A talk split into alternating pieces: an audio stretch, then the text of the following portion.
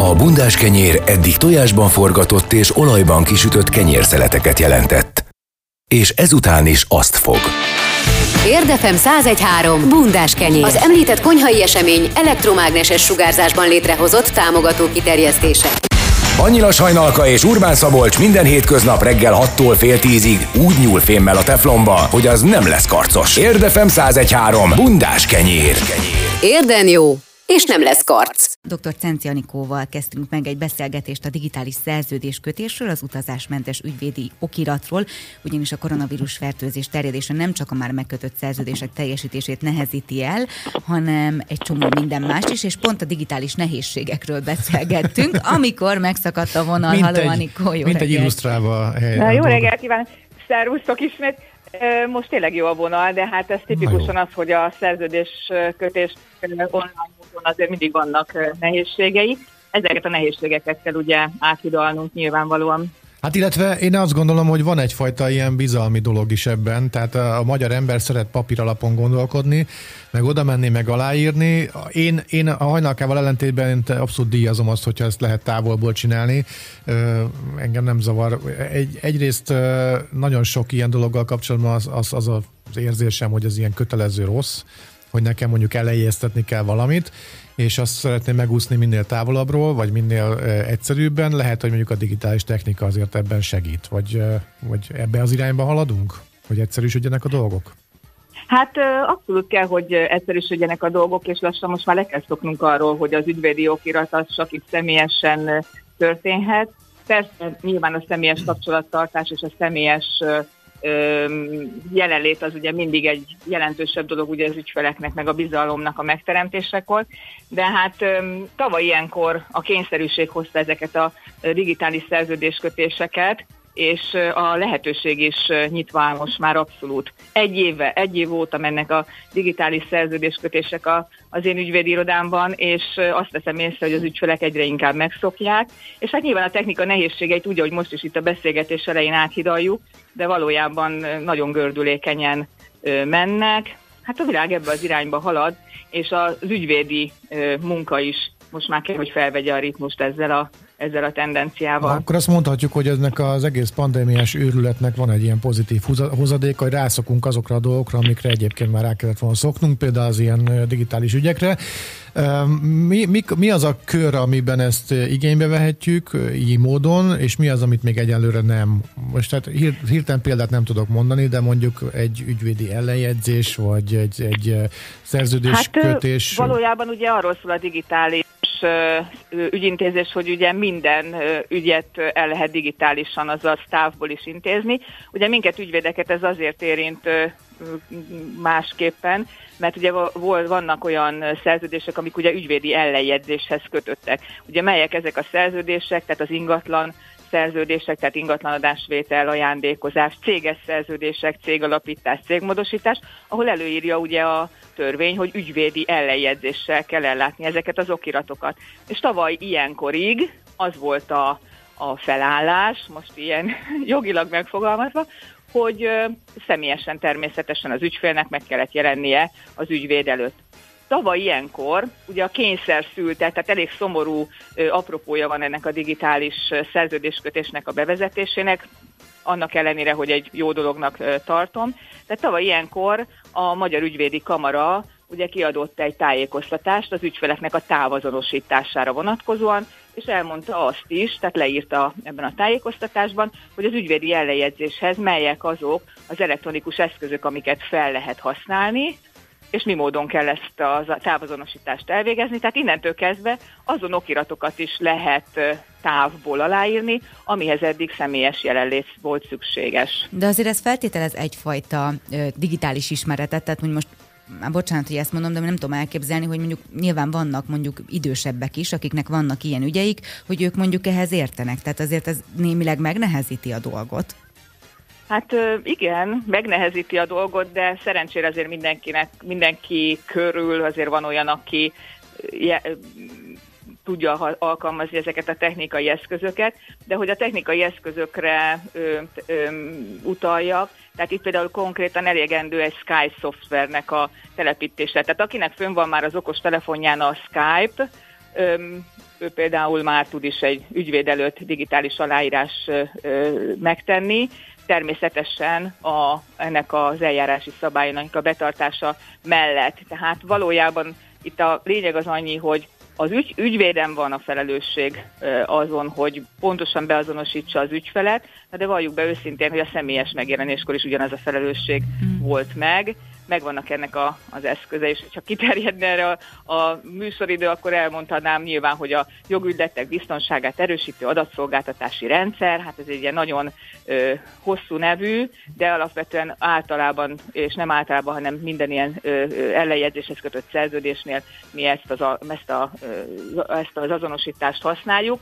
Tehát az ügyfelet én úgysem az arca alapján és a személyes jelenléte alapján fogom azonosítani, tehát az azonosítást meg tudom tenni ugyanúgy távból is, ezen a, a jűbön keresztül, a jogügyletek biztonságát erősítő adatszolgáltatási rendszeren keresztül. Nem szorosan, de ehhez kapcsolódva van egy kérdésem, hogy vannak ezek, én ezt gyerekkorom óta nem értem, hogy van egy szerződés, vagy meghatalmazás, vagy bármi, nyilván mondjuk ez nem feltétlenül ügyvédi ügy, de hogy vannak ilyen, tudod, letanúznád nekem ezt itt, hogy felvennék hitelt, vagy nem tudom, szóval, hogy ezeket a tanúzásokat, ez valaki nézi? Tehát, hogy én nekem mindig az volt az érzés, hogy mindegy legyen ott valami, összeszedek valakit ott az önkormányzatnál, aki éppen ott vár a sorára, és akkor így már alá légy szíves, mert hogy kell ez a, ez a, ez a tanúzás. Ez valaki, volt már olyan a, a te praxisod, hogy elő kellett keresni egy tanút, és meg kellett kérdezni egy jogi vita esetén, hogy figyelj, tényleg aláírtad, és akkor tényleg ezt tanúztad? Vagy ez, ez mire jó az egész például? Hát persze, természetesen, hogy volt ilyen, tehát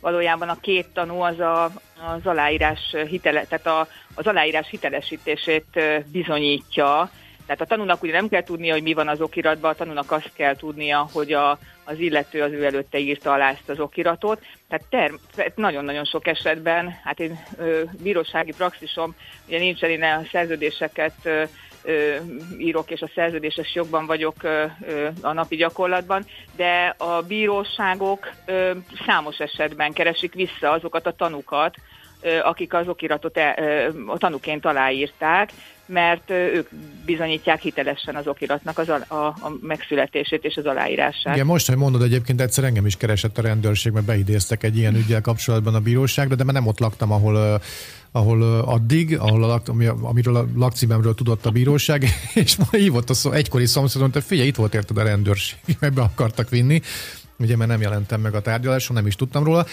Van olyan ö, dolog, ügy, bármi, ami jelen pillanatban még nem felkészült arra, hogy távból csináljuk az ilyen ügyeket? Gondolok itt például egy ilyen tanúzásra, vagy amikor tényleg valamit alá kell írnunk, vagy van-e még olyan, ami, ami, amin dolgoznia kell a rendszernek ahhoz, hogy ez a digitális táv, távgyógyászat ez rendszer... működjön? Igen. Mhm. Hát a rendszeren folyamatosan dolgoznak, de én azt gondolom, hogy ez egy hatalmas lépés volt, hogy a, az ügyvédi ellenjegyzésnek, meg vannak egyébként a, a távelőttemezésnek a szabályai, és ez egy nagyon érdekes ennek a logikája egyébként, mert ugye eddig is benne volt ugye az ügyvédi törvényben, vagy hát most is benne van az ügyvédi törvényben, hogy az ügyvéd az ellenjegyzésre tanúsítja, hogy a, a felek nyilatkoztak, hogy az okiratba foglaltak, ugye megfelelnek a, az akaratuknak, illetőleg az ügyvéd azonosította a feleket. És eddig mégis az volt az eljárás, hogy ezt így személyesen kellett. Aha. És ez változott ugye, hogy most nem kell személyesen. Ugye a kérdésedre visszautalva, most is nagyon sok olyan okirat van, amit mondjuk tanúzni személyesen kell. Az uh-huh. továbbra sincs rá mód, hogy egy magánszemély digitálisan ö, letanúzzon egy okiratot. Tehát akkor tényleg elő kell kapni két tanút személyesen, hogy a, az okiratnak az aljára oda kerüljön az aláírása, tehát a tanúnak nincs meg az a digitális háttere és a hitelesítésnek az elfogadott módja, hogy ilyen módon ezt e, ki lehet, kivitelezni lehessen. Hát gondolom, akkor ezt még akkor lehet fejleszteni, ezt, Igen. A, ezt az utat. És amik most így átalakultak, és most már lehet így csinálni, ahogy elmondtad, ezek így is maradnak, vagy csak így a pandémia idejére hozták ezeket a szabályokat?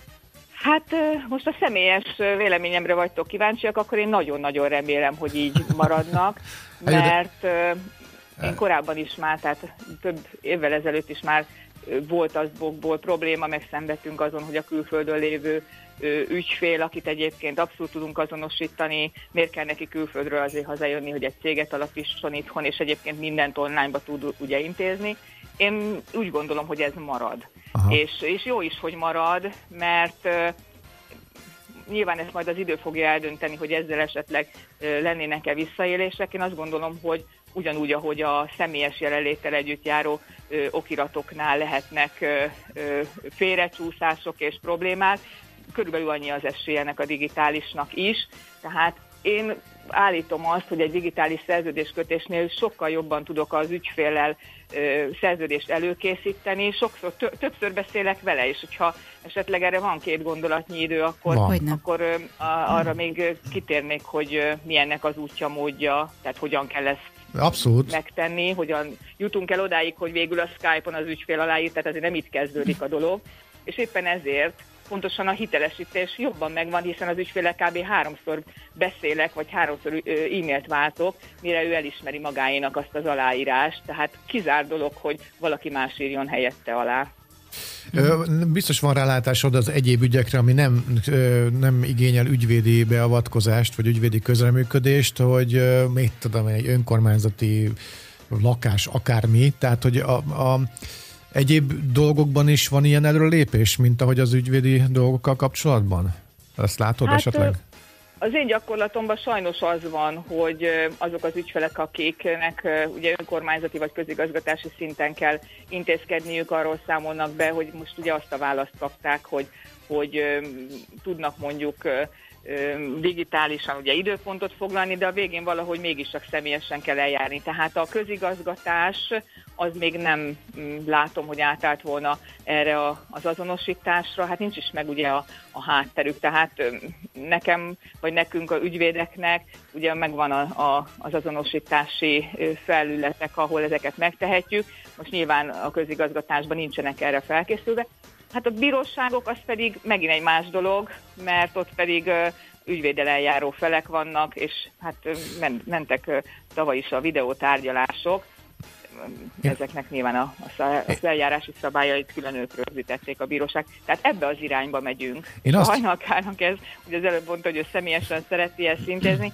hát ha tetszik, ha nem, most már, ha végig gondoljuk akár a, a bankszámlánkat, akár a, a telefonszámlánkat, akár bármilyen más ügyeinket lassan leginkább online tudjuk intézni, és hát az idősebbeknek meg segítséget kell nyújtani. Én azt, azt bírnám már nagyon, hogyha az automat le tudnám vizsgáztatni online. Ja, ja. ez, ez olyan, mint a photoshopos karosszéria, karosszéria javítás. Anikó, és egyébként kevesebb az ügyféle miatt, vagy nem tapasztalsz ebben visszaesést? Tehát pont ugyanannyian vannak, mint korábban, vagy esetleg még többen? Hát én a saját praxisomban arra tudok beszámolni, hogy egyre több az ügyfél, mert valójában kitágult a világ. Uh-huh. Tehát ugye eddig ügyvédként, én ugye Székesfehérváron van az irodám, nyilván a ingatlan ügyekben, meg céges ügyekben helyhez voltam kötve, amikor Budapestről kellett egy ügyfélnek lejönni, akkor külön meg kellett szervezni, hogy hogy és mind. Annak például Angliából írt alá egy ügyfél, múlt héten Belgiumból, sőt, céget, cégalapítás is történt a tengeren túlról, tehát valójában én, én nagyon élvezem, mert flottabból mennek a dolgok. Ha személyes dolgot is belevisz, hogy miért van ott, mit csinál ott, milyen az idő és egyebek, Na, akkor ez most ugye nem az azonosítás része, de mégiscsak az, mert az ügyfélről lesz egy képem, hogy ő valóban ott ül, mi a szándéka, miért akarja ezt a szerződést megkötni. Hát én azt látom az én praxisomban, hogy tényleg sorban állás van a, a digitális szerződések megkötésére, és hát nyilván ennek azért egy elég komoly administratív háttere is van, tehát oda-vissza a szerződéseket véleményeztetni, és, és így tovább, ezért egy kicsit hosszabb a várakozási idő, ahhoz képest, hogy most beszaladunk az ügyvédirodába, és fél óra, egy óra alatt elintézünk egy ügyet, de abszolút fel, felmenő tendencia van ebben, és tetszik az ügyfeleknek. Akkor jöjjön az a kérdés, ami abszolút nem a témába vág, de eszembe jutott, és már elég régóta foglalkoztat. Konkrétan a viszkissel kapcsolatban jutott eszembe, ez nem most volt, hogy azon gondolkodtam, hogy ugye nem kötelező újságot olvasni, nem kötelező tévét nézni, nem kötelező tájékozottnak lenni, és mondjuk én megyek az autómmal, és stoppol egy ember az út szélén, mondjuk a viszkis, de én nem tudom, hogy ő a viszkis. És elkapnak, ugye megállít a rendőr, kiderül, hogy én ugye viszem a viszkis magammal, de nekem fogalmam sincs róla, hogy egy körözött bűnöző, hogy engem akkor például elővehetnek. Jogilag ez hogy néz ki? Mondhatják azt, hogy én bűntárs vagyok? Hát nagyon jó megfogalmaztad ezt a kérdést. A digitális szerződéskötéshez valóban semmi köze. De nagyon érdekel a kérdés. Még a szakterületemet sem érinti, mert nem vagyok. De jogilag ez hogy néz ki? Hát jogilag ez úgy néz ki, hogy elővehetnek, igen. Tehát nekem volt ö, ö, régebben olyan ügyem, vagy olyan kapcsolódásom egy olyan ügyhez, ahogy egy fuvaros vitt egy olyan csomagot, amiben volt olyan tartalom, Aha. amitről nem is tudott. Na és akkor Tehát, ilyenkor, ilyenkor mi van? Ilyenkor hát egész ilyenkor, életemet azzal töltöm, de bizonyítsam? Aha. Hát ilyenkor valahogy el kell kezdened magad tisztázni, hogy igazából ez egy szimpatikus ember volt a, az út szélén, és azért vetted fel, és éppen nem elkövetési helyszínre mentetek. Úgyhogy hát ez a büntetőjognak a, a szépsége, amikor ezt itt a bizonyítási eljárás során ugye tisztázni kell a szándékodat és egyebeket. Főleg aki azon az oldalon áll, akinek bizonyítania kell az ártatlanságát, annak is milyen szép ez a dolog. Hát Jó. igen. Bocsa kitérőért, bocsa kitérőért szerintem mindent megtudtunk az eredeti témával kapcsolatban. Köszönjük szépen, hogy itt voltál. Ha eszünkbe jut még valami jó kis kérdés, akkor majd föltesszük, hívunk, jó? Jó. Köszönjük van, szépen. Köszönjük szépen. Szia. Szia, Nikó. Szia. Szia. Dr. Cenci Anikó ügyvéddel beszélgettünk a digitális szerződéskötésről, vagyis az utazásmentes ügyvédi okiratokról. Érdefem 1013. Ha van egy tyúkod, már csak egy szelet kenyeret kell szerezned. Bundás kenyér. Mi volt előbb, a tyúk vagy a bundás kenyér? Rusvai Miklós virológussal fogunk beszélgetni, ugyanis azt mondta egyik nap, hogy egészségügyi szempontból további szigorításokra volna szükség a koronavírus járvány megfékezése érdekében, de figyelembe kell venni a gazdasági és a pszichológiai szempontokat is. A szakember kitért arra is, hogy egyre fiatalabb betegek esnek áldozatul a járványnak. Ennek szerinte két oka is van. Egyrészt az idősebbek jó részt már megkapták az oltást, másrészt pedig a nagyszámok törvény alapján egyre több a fiatal fertőzött, és egyre többen kerülnek lélegeztető gépre és halnak meg. Újabb kérdéseink vannak. Jó reggelt, Jó reggelt. kívánunk! Jó reggelt kívánok! Első kérdésünk, hogy jól hall bennünket? Én jól hallom önöket. Az az igazság, hogy épp egy taxiban ülök, még pár perc, mire hazaérünk, reggel egy stúdióbeszélgetés volt, most megyek hazafelé. Nagyszerű. Az, rögtön az idősek versus fiatalok és fertőzöttség és egyéb témakörben az a kérdésem, és Isten rész, hogy politikai sikra tereljük rögtön az első kérdéssel a beszélgetést, de hogy vírus szakmailag, ha van ilyen szó egyáltalán, az, az helyes döntés volt, hogy előbb az idősebbeket kezdik el oltani? Tisztelettel kérdezem. Itt két cél az, ami mindig vitatkozik egymással, ha így mondhatom és tulajdonképpen a különböző országoknak a stratégiája ez szerint a két szempont között ö, kellett, hogy eldöntse, hogy melyiket választja. Van olyan ország, amelyik az egyiket választotta, van amelyik a másikat. Az egyiknél az volt, hogy a halottak számát csökkenteni, és ezek az országok az időseket, és a rizikócsoportba tartozókat ö, kezdték el oltani. A fejlett országok általában ezt a stratégiát követték, míg a másik országcsoport az pedig úgy döntött, hogy a terjesztőket fogja elsősorban immunizálni, közlekedési dolgozók, kereskedelemben dolgozók, pedagógusok, tehát akik elsősorban szerepet játszanak abban, hogy a terjesztése a vírusnak a lakosságban megtörténjen. Érdekes módon például az amerikai Egyesült Államok egyes államai az egyik, mások, más államok pedig a másikat követik, ugyanígy elsősorban a terjesztőket immunizálja például Kína vagy Svédország, tehát különböző országoknak más a stratégiája. Mi a ö, legnagyobb halálozási ö, arányjal rendelkező rizikócsoportokat kezdtük oltani. Emellett kötelezte el magát a kormány már tavaly őszön, és ö, hát nagyon rossz lenne stratégiát váltani menet közben, ha már emellett döntöttünk, akkor ezt kell végigvinni. És az kiderült már egyébként ezen a, ebben a szakaszban, hogy melyik volt az eredményesebb? Nem kapargászni azt, hogy most jó döntés volt-e, vagy rossz döntés, csak hogy kíváncsi vagyok, hogy, hogy Mit értünk eredményesség Hát mondjuk, hogy kevésbé tered ott, ahol a terjesztőket oltották, vagy többen maradtak életben azok közül, akik esetleg, ahol esetleg az idősebbeket oltották, erre gondolok.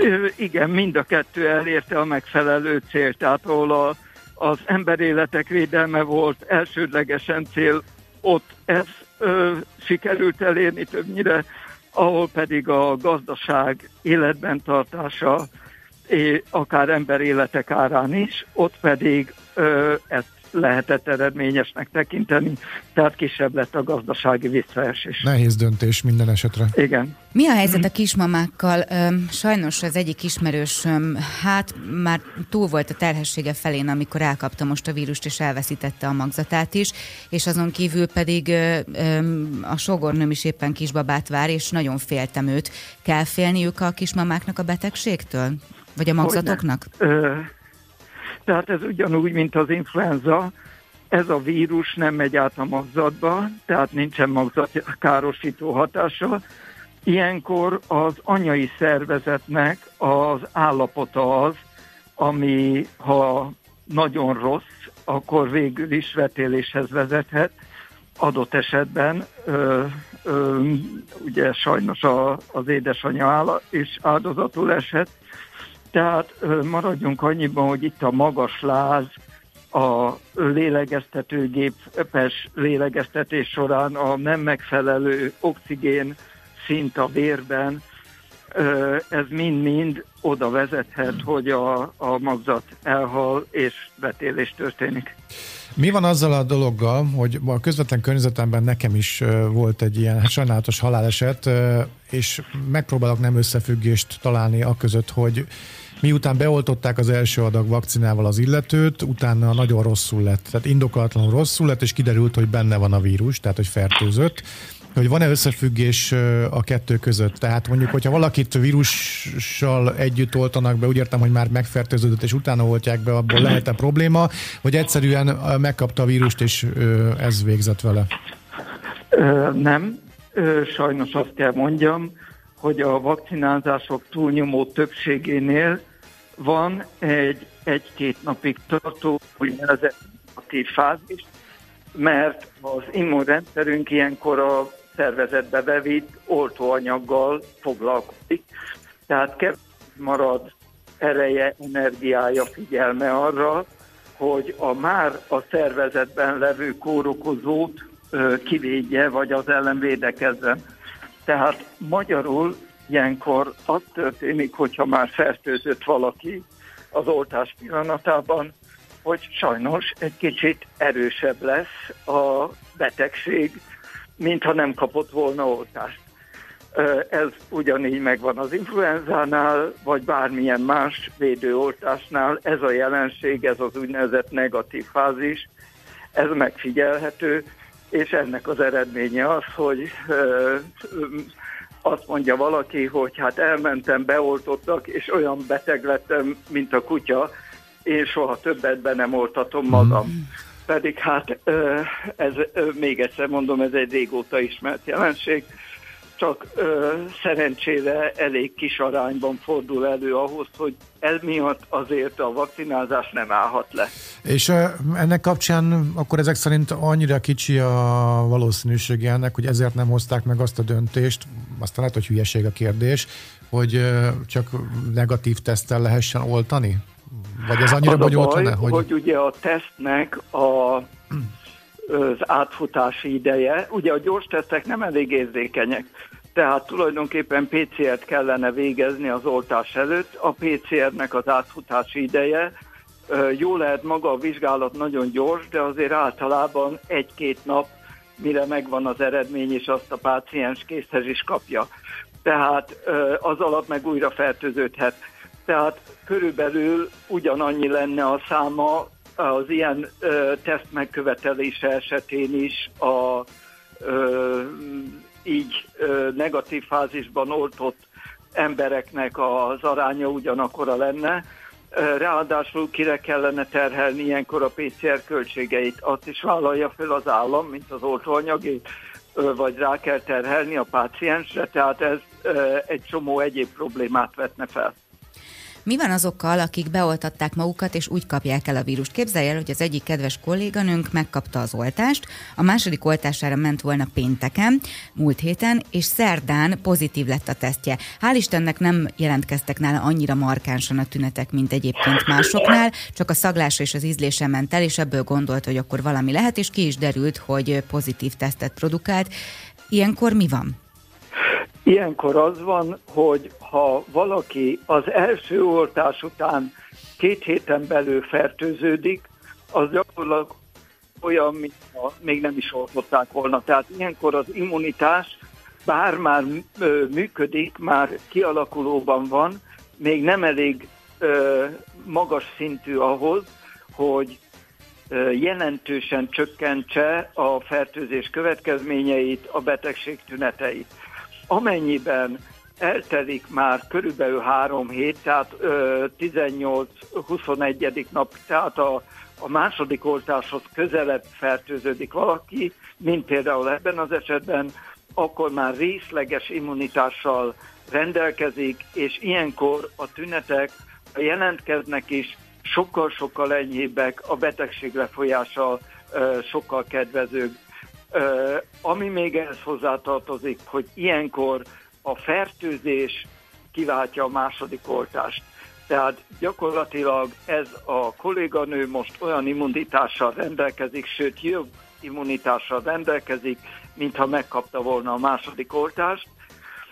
Ilyenkor van az, hogy kialakul az immun az immunitásnak, az immun védekezésnek tulajdonképpen mind a három szintje, hiszen a nyálkahártya immunitás, a sejtes immunitás és az ellenanyagokon alapuló immunitás közül az oltás következtében csak az utóbbi kettő alakul ki, nyálkahártya immunitás csak a fertőzés hatására jön létre, ez a kolléganő, ez most mind a három szintű immunitással és nagyon magas, jó immunitással rendelkezik.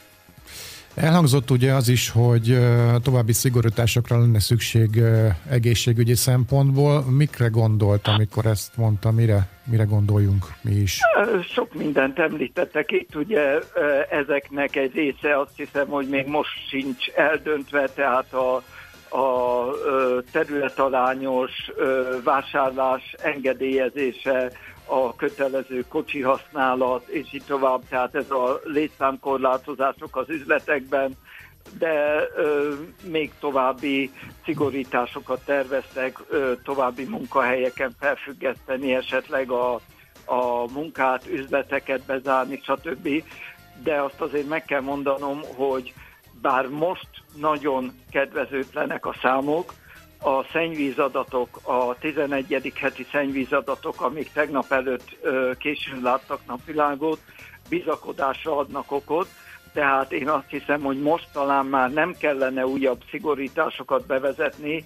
Én úgy vélem, hogy a következő napokban ez alatt azt értem, hogy a következő öt napban érjük el a csúcsot. Most van a legsötétebb óra ugye a hajnal előtt, tehát ö, ö, március utolsó napjaira várom a harmadik hullám tetőzését, és utána javulást, és ha a szennyvízadatoknak hinni lehet, akkor gyors javulást várok. Azért, mert, ö, és ugye ezért küldte vissza a tiszti főorvos asszony is ismételt vizsgálatra a szennyvízmintákat, mert annyira kedvezőek voltak az adatok, hogy nagyon nehéz elhinni, hogy ilyen gyors váltás történt. És még egy kérdés a végére, hogy, hogy ugye van ez az oltás dolog, és a magyar ember, illetve hát az ember az olyan szerintem, hogy kicsit úgy, úgy gondolkodik erről az oltásról, mint a csodabalzsamról.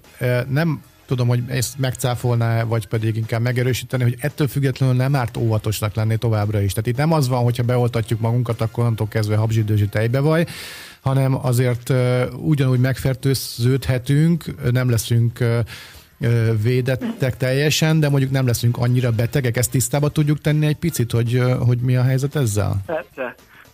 Először is ugye a könnyelműség azért sem indokolt, tehát az oltás nem elég az immunitás, ahogy az előbb beszéltünk róla, három hét az első oltás után minimum, mire kialakul egy bizonyos védelem, tehát abban a három hétben nem vagyunk semmiképpen védettek, A másik pedig, ami nagyon fontos, hogy igen, a fertőzéstől nem véd meg bennünket az oltás, megvéd bennünket attól, hogy kórházba kerüljünk, lélegeztetőgépre kerüljünk, vagy meghalljunk. Tehát súlyos betegek nem leszünk. Uh-huh. A harmadik, ami nagyon fontos, hogy ö, csökken a környezet vírus terhelése, mert az oltott emberekbe, ha bejut is a vírus, bennük nem termelődik olyan szinten, olyan mennyiségben, mintha oltatlanok lennének.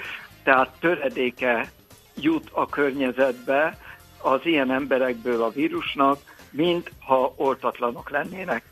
Következésképpen ezért hagy majd alább a járvány, tehát a nyáimmunitás kialakulásával azért szűnik meg a járvány, mert csökken a vírus terhelés a környezetben.